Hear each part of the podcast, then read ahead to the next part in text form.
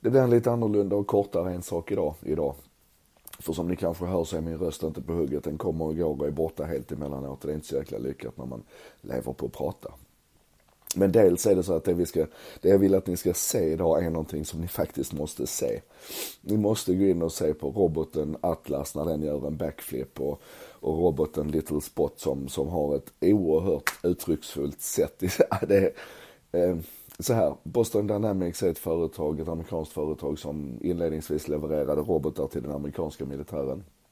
De köptes av Google, eller av X, ägdes sedermera av Googles eh, övergripande företag Alphabet tills de såldes till Softbank för något år sedan, den eh, japanska stora operatören, internetoperatören bland annat, och mobiloperatören. Så det är ett japanskt företag idag och de gör helt fantastiska grejer.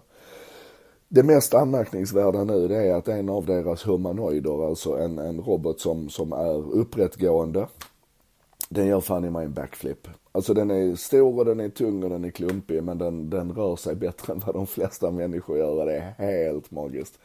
Ni måste gå in och titta på det.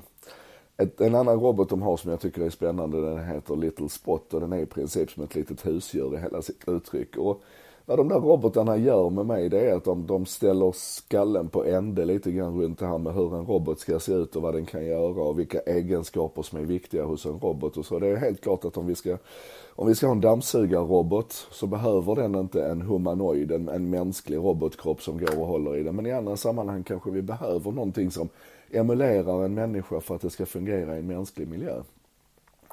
Kika på det där. Jag lägger länkarna här under till de senaste filmerna. Atlas-filmen är bara en dag gammal och, och den senaste Little Spot-filmen är väl tre dagar gammal tror jag. Jag lägger länkar under här.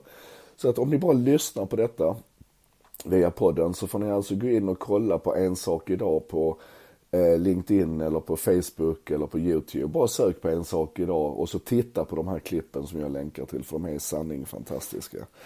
Och så vill jag bara påminna om att, att Dagny Karlsson, Sveriges äldsta bloggare, underbara Dagny, 105 år gammal nu. Vid ett tillfälle när jag hade henne på scenen så sa hon att ja, men jag ser fram emot robotarna. Och så va? Varför ser du fram emot robotarna? Ja, men jag vill dansa en gång till i mitt liv.